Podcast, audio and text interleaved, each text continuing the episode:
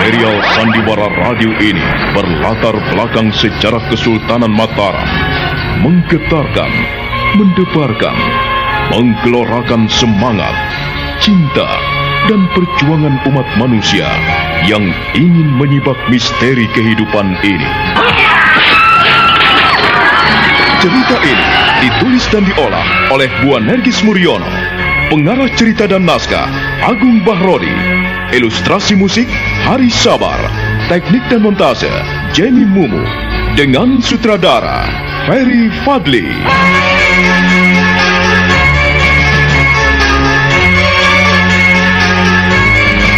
Wahyu Astabrata dalam episode pertama ini dengan judul Carita Adi Purwa.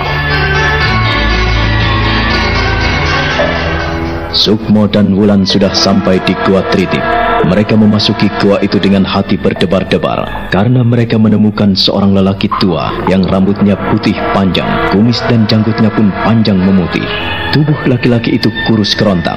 Dia duduk bersila di atas sebongkah batu pipi. Tepat di hadapan lelaki tua itu, terdapat pelataran goa yang cukup luas. Di dalam goa itu, hanya terdapat seberkas sinar yang berasal dari langit-langit goa. Dan di langit-langit goa itu, terdapat lubang sebesar kepala manusia. Dari lubang itulah terdapat sinar. Sukmo dan Wulan makin tak berkutik ketika lelaki tua itu mengeluarkan tenaga dalamnya yang luar biasa. Suara lelaki tua itu bergema dan menggetarkan bagaikan suara hantu. Sukmo dan Wulan bergidik. Namun ketika Wulan mencubit lengan Sukmo, Sukmo buru-buru mengempaskannya. Dia tidak mau disepelekan oleh kawannya.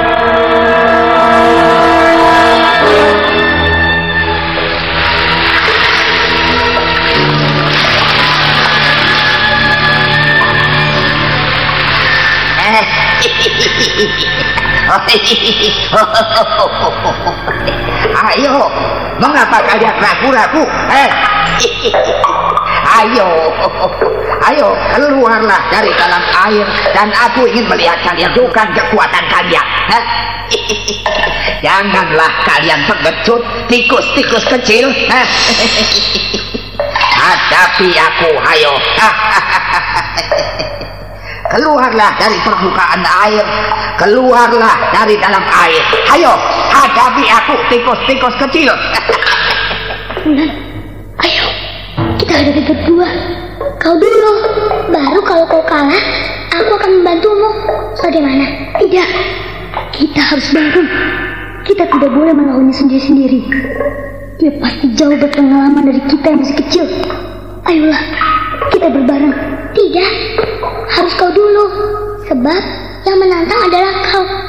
Sebab kau baru dikenalnya. Kalau kita sudah sama-sama mengenal, barulah kita bareng dan menyerangnya rame-rame. Ayo, ayo, majulah kalian berdua. Eh?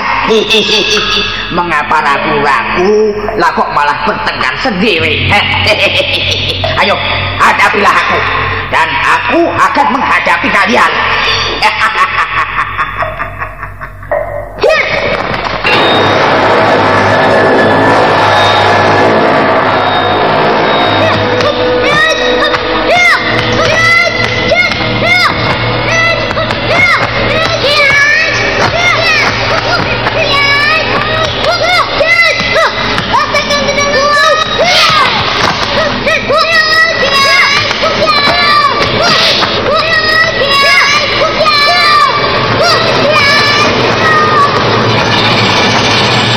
Sukmo dan Wulan bertubi-tubi menghajar lelaki tua yang duduk bersila itu. Namun aneh, sekalipun pukulan-pukulan mereka dahsyat, tetapi pukulan-pukulan itu seolah-olah tidak mengenai sasaran. Lelaki tua itu tetap duduk bersila, tak bergeming dari tempat duduknya. Sukmo dan Wulan semakin kesal. Mereka menghajar lelaki tua itu bertubi-tubi. Mereka tidak mundur, bahkan semakin garang, menghantam lelaki tua itu bersama-sama.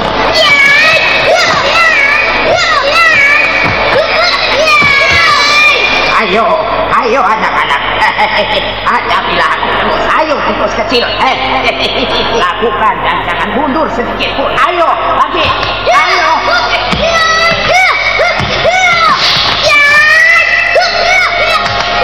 Sukmo dan Bulan semakin bertubi-tubi menghajar dan menghantam lelaki tua yang duduk bersila itu.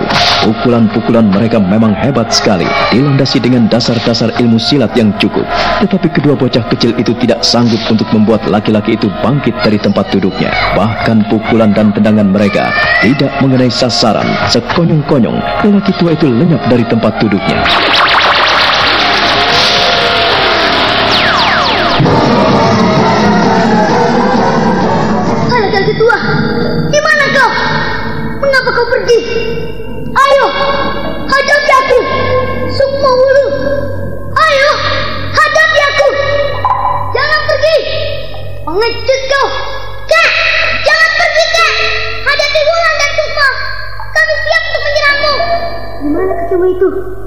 Kalau dia tidak pengecut, pasti dia menghadapi kita. Aku sendiri tidak tahu. Tetapi Aku yakin dia masih di sini. Ah, ternyata dia pengecut sekali. Seharusnya dia tidak pergi dari sini. Ah, ah, kenapa Sukmo? Lihatlah, ah, lihatlah di tempat duduknya. Memangnya kenapa? Mengapa batu itu bisa ada bekas pantatnya? Oh, lihatlah. Oh, seperti cobek. Iya, batu ini seperti cobek. Pantat kakek tua itu ngecap di sini. Bilang, dia itu kakekku. Kakek tua, kakek tua, kakek gunung. Dia itu kakekku tahu? Iyalah, kakekmu atau kakek siapa? Tapi laki-laki tua itu pengecut. Tapi dia hebat juga. Mengapa tempat duduknya bisa berbekas seperti itu? Seperti tempat duduk yang empuk saja. Padahal Oh, sabarlah. Tempat duduk ini keras sekali. Dia masih panas. Tentu saja batu itu menjadi cekung. Karena diduduki siang dan malam. Kakek tidak pernah beranjak dari tempat duduknya. Aku sendiri juga heran mengapa dia tahan duduk berlama-lama di tempat seperti ini. Kita harus mencarinya sampai ketemu. Aku ingin mengajaknya bertanding habis-habisan. Sampai mati sekalipun. Kau tidak mungkin mengalahkannya. Kita tadi sedikit pun belum menyentuh tubuhnya. Biarpun begitu, aku tidak takut. Aku ingin bertanding sampai titik dari penghabisan. Aku tidak takut pada kakekmu. Tapi, aku belum pernah mengalahkannya, Sukmo. Akulah yang akan mengalahkan kakekmu.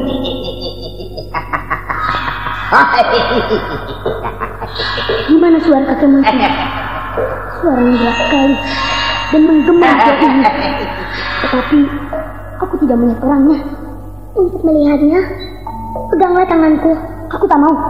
Sukma, peganglah tanganku. Pukul telapak tanganku. Kita seperti main tepuk tangan. Ayo.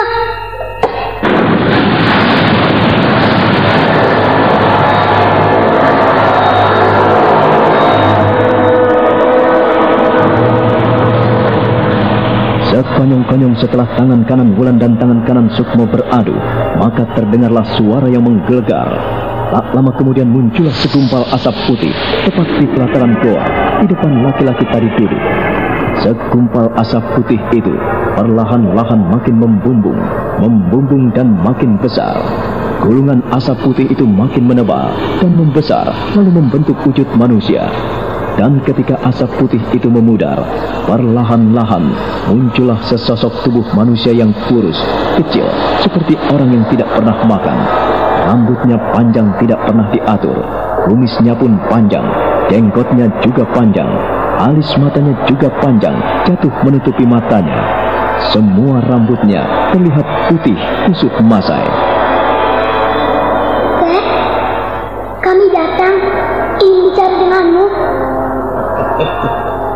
Tikus-tikus kecil. Untuk apa kalian kemari? Kakek tua, kau jangan menghina kami. Kami ini manusia, bukan tikus-tikus kecil. Sekalipun kami kecil, kami bisa juga mematahkan tanganmu.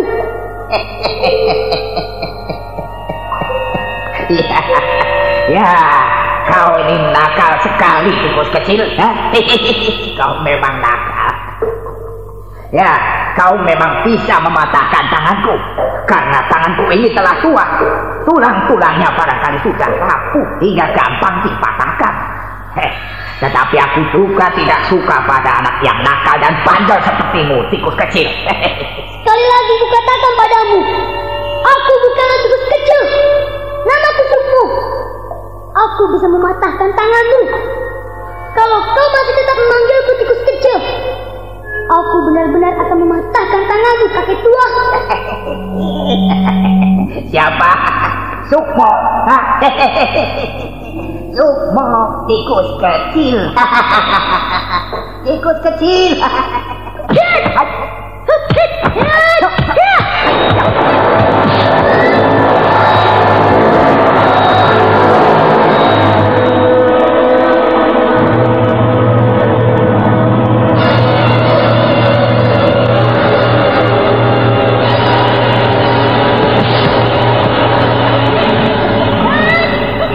Sukmo benar-benar tidak sabar lagi. Dia menyerang, menerjang dan menghantam kakek tua itu.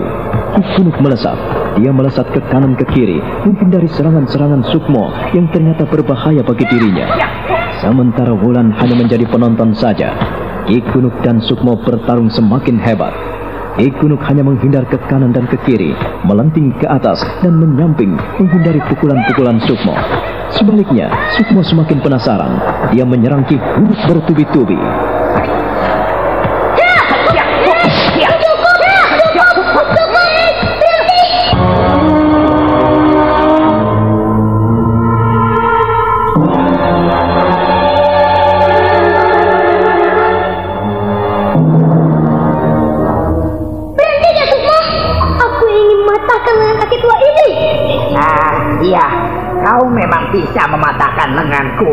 Kau gampang sekali mematahkannya. Tetapi kenapa? Hah? Kenapa kau tidak mau menyentuh dan mematahkan tulang-tulangku yang sudah rapuh ini, ha? Licik kau kakek tua. Licik. Eh, Kau menghindari serangan-seranganku. Sudah, aku tidak ingin melihat kalian berkelahi. Kek, berhenti kek. Aku ingin bicara padamu. Ah, sudah, sudah. Tidak ada gunanya kau berbicara, tikus perempuan kecil. Ah, kau tidak boleh berbicara di sini. Kek, kami ke sini mau berguru kepadamu. Kakek jangan menyerang kami. Untuk apa berguru pada orang yang tidak beres? Aku tidak sudi punya guru seperti kau. Paling-paling sebentar lagi aku akan mati. Ah, betul, itu betul sekali tikus kecil. Aku memang tidak beres. Eh, Tunggu, kau ini anak siapa? Hingga kau tahu bahwa sebentar lagi aku pun akan mati. Hah? betul, betul sekali. Betul, kau memang pintar. Aku sebentar lagi memang akan mati karena usiaku sudah tua sekali. Ah, coba lihat ini. Ah, ah. Dan tanpa mematahkan tulang-tulangku pun pasti, pasti, pasti tulang-tulangku akan rembuk dengan sendirinya karena sudah dimakan rayap. ah, tapi aku yang sudah tua ini masih ingin sedikit menghirup udara segar. Ah, eh, sayang sekali. Yang Maha Kuasa masih mengizinkan aku bernapas. Aku sudah lama ingin mati tikus kecil. Eh tunggu, siapa kasih namamu tikus kecil? Sembarangan saja kau bicara kakek tua. Namanya Sukmo kan? Bukan tikus kecil. Oh,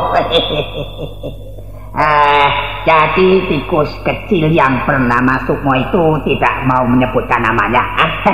Sekarang bisu. Ah.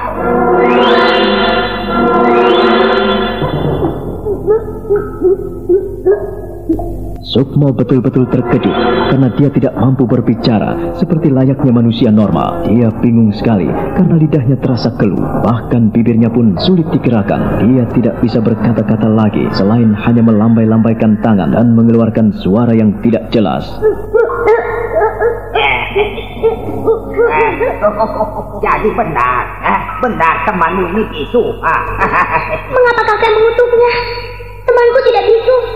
Ia baik-baik. Tetapi, mengapa kakek menghukumnya? Bukalah mulutnya, kek. Obatilah dia, supaya dia bisa bicara lagi. Eh, untuk apa diberi mulut dan lidah yang sehat? Untuk apa diberi kuping dan mata yang sehat apabila tidak dipergunakan dengan baik? Ia punya mulut, tetapi ia tidak mau menjawab pertanyaan-pertanyaanku. Ia punya kuping, tetapi barangkali ia tidak mau mendengarkan kata-kataku. Ia punya mata, tetapi mungkin ia tidak mau melihat siapa orang yang ada di depannya. Hah, biarlah, biarlah ia seperti itu. Tidak usah bicara. Biar dia tahu rasanya bagaimana hidup sebagai orang yang tidak bisa berbicara, tidak bisa berkata-kata, dan hidup seperti itu.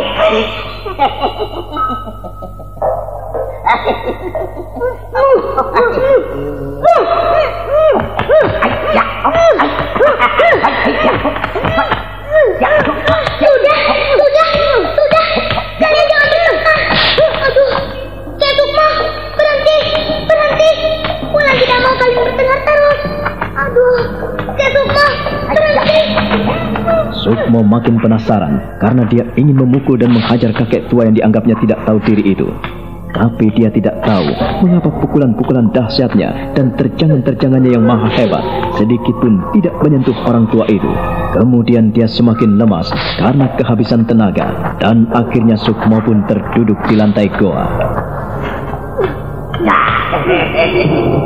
ternyata kau pun sudah terengah-engah tak berdaya. Ayo, kau sudah tidak mampu bergerak tikus kecil. ha?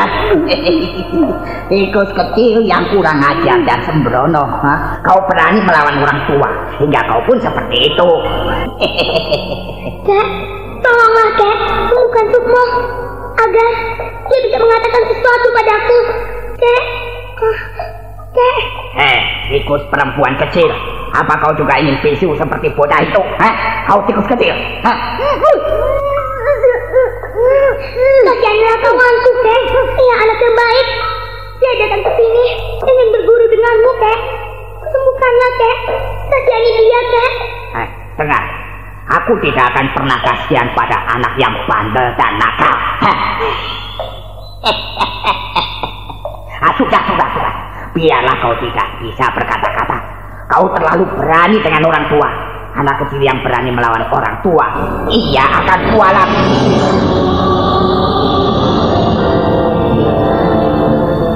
Sukmo benar-benar keluh, tubuhnya bahkan lemas dan gemetaran di depan Ki Gunuk yang tertawa terkekeh-kekeh memandangnya. Sukmo terpaksa duduk bersila dan tersungkur di bawah telapak kaki lelaki tua yang melompat di atas bongkah batu. Wulan memandang pemandangan seperti itu dengan bulu kuduk merinding. Dia tidak tahu mengapa kakeknya sekejam itu terhadap kawan karibnya. Maka dia pun kemudian melompat mendekati kakeknya yang pura-pura tidak mau mengenalnya. Kakek, tegas sekali pada Sukmo? Sukmo tidak bersalah, Kek. Sukmo ingin berguru pada kakek. Aduh, kalau kakek kejam seperti itu, aku tidak mau menjadi cucumu. Apa kau bilang cucu? tidak, aku tidak pernah punya cucu sepertimu, tikus kecil. Hei, tikus perempuan kecil. Dari manakah kau datang? Dan mengapa kau kemari mencari gara-gara dengan kawan kecilmu ini? Eh, eh jawab. Kek, mengapa kakek begitu? Kek, tolonglah Sukmo. Bukalah. Ah, bukalah hatimu, Kek. Supaya Sukmo bisa bicara lagi. Hmm, Kau tidak kasihan pada kawanku, Kek. Kalau kakek menjadi orang yang kejam. Baik, aku tidak mau memanggilmu lagi. Ya, ya, ya, Ya, ya, ya. Tikus kecil kurang ajar. Ya.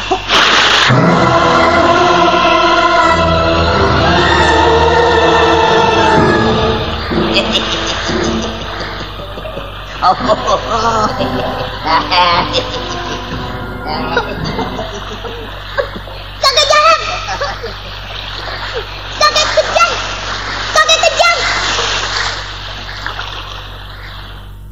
Mengapa kakek kejam sekali pada kami?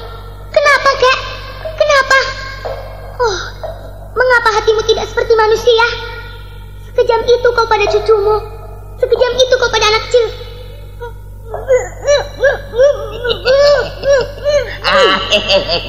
Tikus-tikus kecil. Siapa yang berbuat jahat pada kalian? Hah? Siapa? Siapa? Hah? Tidak ada yang berbuat kejam pada kalian. tidak ada. Tidak ada orang yang berbuat jahat pada kalian. Aku tidak melakukan apa-apa pada kalian. Tetapi kalian sendirilah yang membuat malapetaka di sini. kakek benar-benar kejam. Kakek benar-benar jahat. Aku tidak sudi mempunyai kakek semacam kau. Aku akan pergi dari sini. Dan terkutuklah kau kakek tua. Eh, kalian mau ke mana? Aku mau pergi. Jangan dekati kami. Kalian tikus-tikus kecil. Tidak akan bisa keluar dari gua ini. Hah, tahu? Kau, kau penjahat. Kau bukan kakekku. Kau penjahat. Eh, tikus-tikus sebenarnya. Mau apa kalian datang kemari? Hah? Kami datang hendak membunuhmu.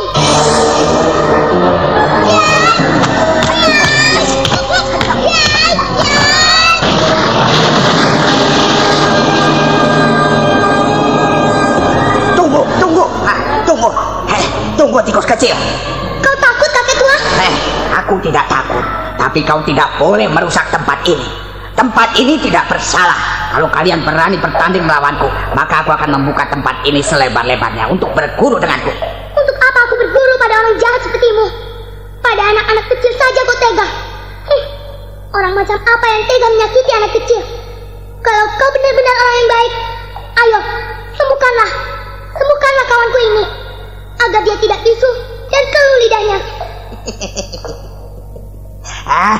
tikus perempuan kecil. Ternyata kamu pintar juga. ah, baiklah, karena kau ingin agar aku membuka mulut teman itu dan membuat lidahnya supaya tidak keluh, maka kau pun berani membujuk dan merayuku. Ah, ah baiklah, baiklah, baiklah. Aku memang bukan orang jahat kok, tetapi aku hanya ingin tahu sampai sejauh mana keberanian kalian. Ah? Aku tidak sudi menerima kebaikanmu. Sekalipun kau bertutur manis. Tetapi, aku tidak percaya lagi kepadamu. Karena kau telah berbuat jahat pada kawanku. Eh, tikus perempuan kecil. Lihatlah, lihatlah. Aku tidak jahat. Hei, tikus jantan kecil. Kemarilah, kemarilah.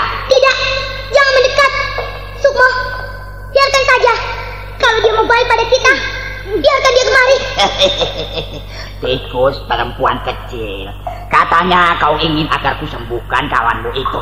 Hah? Kalau kalian tidak kemari dan kawanmu itu tidak mau ke sini, maka selamanya dia akan keluh seperti itu. Akan menjadi bisu dan ia tidak bisa berkata-kata lagi sepanjang hidupnya. Hah? Bahkan sampai kiamat nanti. Laki-laki tua jahat. ah, sudah, sudah, sudah. Ah, kemarilah ya, kemarilah. Kemarilah tikus jantanku. Ayo kemari. Nah, nah, nah, nah. nah, buka lebar-lebar mulutmu. Biar ku totok jalan darah di lidahmu. Supaya bisa berkata-kata lagi. Ayo, ayo, ayo. Ayo kemarilah, kemarilah, kemari. Nah, ayo. ya, ayo kemari, kemari. Tidak.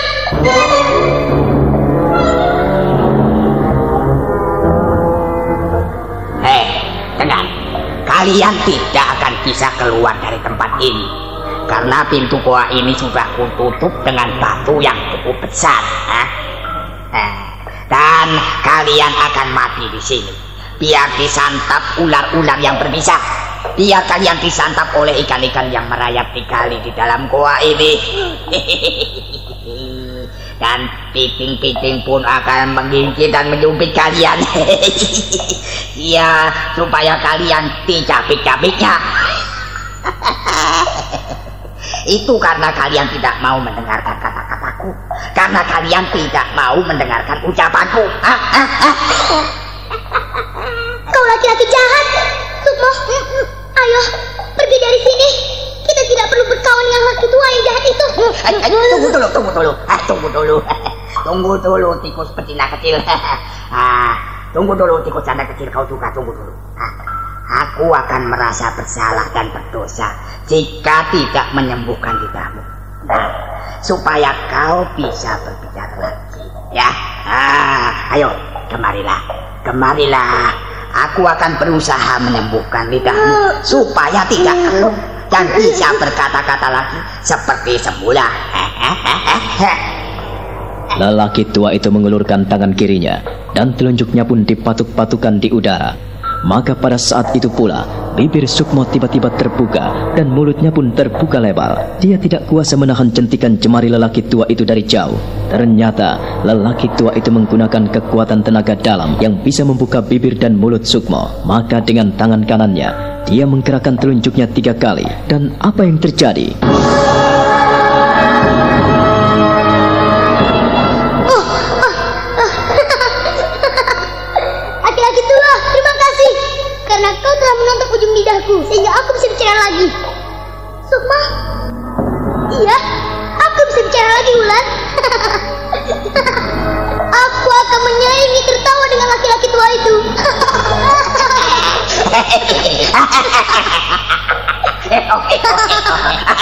Kalian sudah gila? Mengapa ketawa-ketawa seperti itu? Wulan, mengapa kau tidak senang? Bukankah aku sudah bisa bicara lagi? Dan aku bisa ketawa-ketawa lagi? Hah?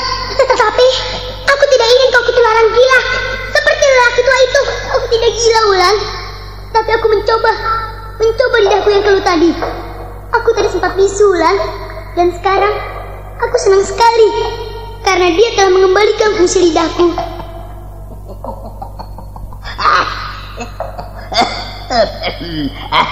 ah, sudah, sudah. Ah, sudahlah tikus-tikus kecil. Ayo duduk lagi, Dewa. Duduklah di atas batu itu. Hmm? Ayo, ayo duduk. Tidak, aku tidak sudi duduk di sini lagi. Aku mau pulang. Ayo Sukmo, kita pulang dari sini. Kita pergi dari sini. Untuk apa? Berkawan dengan laki-laki jahat itu. Hehehe, bukankah sudah kukatakan tikus betina? tikus betina yang nakal tunggulah, bersabarlah. Sekalipun kalian ingin keluar dari sini, kalian tidak akan bisa. Kalau aku tidak menginginkannya, eh, kalau aku tidak mengizinkannya. ah, sudah, ayo, ayo, duduklah di situ. Hmm? Duduklah, supaya aku bisa bicara dengan kalian secara baik-baik. Ayo, ayo duduklah. Aku tidak mau bicara dengan kau. Kau jahat sekali. Hai laki-laki tua. Apa yang kau inginkan dari kami? Sehingga kau mempermainkan kami. Ah, sudahlah.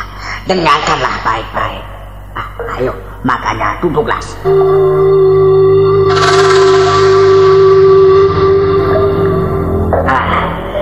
Akhirnya kalian menurut juga. Ah, sudah kuduga sebelumnya. Kalian ini memang anak-anak yang bandel, tikus-tikus yang nakal dan kurang ajar. Kalian ke sini tidak nuwun, tetapi main ketubrak ketubrak ketubrak ketubrak. Ah, tetapi dengan kebandelan dan kenekatan kalian, ah, aku malah menjadi tertarik sekali bocah-bocah kemblung. Lalu, apa maumu, kek? Kakek tua, kami datang ke sini dengan maksud baik. Tetapi, kaulah yang mulai memusuhi kami. Ah, tikus kecil, siapa namamu? Hmm? Namaku bukan tikus kecil. Oh, Aku anak manusia. Namaku Sukmo. Sukmo Wariwulung. Aku Sukmo Wariwulung. Aku Sukmo. Anaknya Kiwari. Cucunya Kiwulung. Kiwulung adalah abdi di istana Mataram yang perkasa. Ia adalah ahli taman dan kijalang yang sangat dihormati Kajeng Sinuwun Raja di Mataram. oh, Sukmo Wareh Wulung. Wah, Wah, namamu benar-benar hebat, tikus kecil. Sukmo adalah nyawa. Wah, kalau tidak salah, Sukmo adalah nyawa. Ya betul, berarti kau dulu dilahirkan dengan taruhan nyawa. Artinya, kau sudah nakal sekali sejak di kandungan ibumu. Ah, Aku nakal atau tidak, itu bukan urusanmu. Kakek tua, lalu siapa namamu? Sehingga kau jahat pada kami. bocah kecil, bocah kecil, tikus kecil yang nakal dan bandel, berani dan jantan sekali. Hah? Wah, aku semakin tertarik kepadamu, tikus kecil yang jantan. Hah? Hmm, ah, Sukmo, ya, Ah, Sukmo Warih Wulung. Wah, ya, ya, ya, ya. Ah, jika kau ingin tahu namaku, namaku Ki Gunuk. Kau sudah tahu? Ki Gunuk. Ya. Namamu jelas sekali kakek tua. Iya, iya betul, betul. Ki Gunuk, gunuk itu bukit kecil, tikus kecil. Bukit kecil yang menggunung, menggunung. Gunung kecil itu namanya gunungan atau bukit. Tetapi orang-orang sering memanggilku juga Ki Ageng Tritit karena aku sering tinggal di dalam gua ini. Ah, Kalau begitu, apakah benar kau kakek Wulan? Nah, Ki Gunuk punya cucu namanya Wulan. Aku tidak punya kakek jahat itu. Wulan, jadi dia bukan kakekmu. Kakekku baik hati. Dia tidak sejahat itu. Nah, nah, nah, nah. Rupa-rupanya aku telah berhadapan dengan tikus-tikus kecil yang bandel dan berani. Tikus-tikus kecil, aku bangga bertemu dengan kalian. Ah, baiklah, baiklah, baiklah. Kau tidak perlu berdebat Sukmo. Ah, dan itu, bocah kecil itu, sahabatmu itu memang cucuku. Bukan, aku tidak punya kakek seperti kau. Loh, loh, loh, loh. Ya, sudah, sudah. Kalau kau tidak mau mengakui aku sebagai kakekmu, itu tidak apa-apa. Sekalipun dulu seandainya tanpa diriku, kau pun tidak akan pernah lahir di dunia ini. Hah? Aku juga tidak ingin dilahirkan. Untuk apa dilahirkan dari orang yang jahat sepertimu? Wulan, sudahlah. Kau diam. Dengarkan saja dia. Hmm, dia jahat sekali. Dia tidak mau mengakuiku. Hmm, aku tidak akan pernah mengakuinya. Ah, tikus kecil. Sukmo Warihulu. Ah, namamu bagus sekali. Sukmo. Ya, Sukmo Warihulu. Sukmo adalah namamu sendiri. Dan Warih ah, adalah nama bapakmu. Sedangkan Wulung adalah nama kakekmu. Wah, nama kakekmu itu sudah terkenal di mana-mana. Ya, dia memang seorang dalang yang sakti mandraguna. Dia juga seorang juru taman yang sangat dihargai di Mataram. Sejak Ki Gede Mataram membuka alas mentau. Jadi, kau mengenal kakekku, kan? Wah, siapa yang tidak mengenal Ki Wulung? Wulung adalah alap-alap kecil. Wulung adalah elang kecil, tetapi ia ganas dan galak.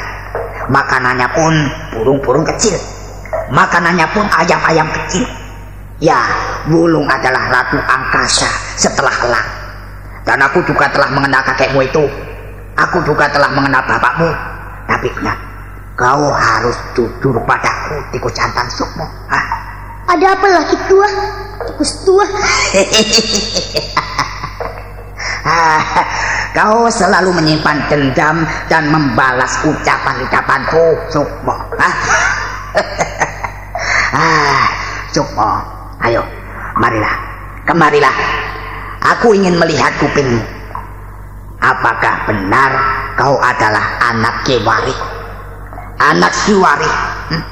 Apakah benar kau adalah cucunya Ki Wulung? Ah, kalau kau menipuku, kau benar-benar akan kutenggelamkan dalam laut di depan mulut gua ini.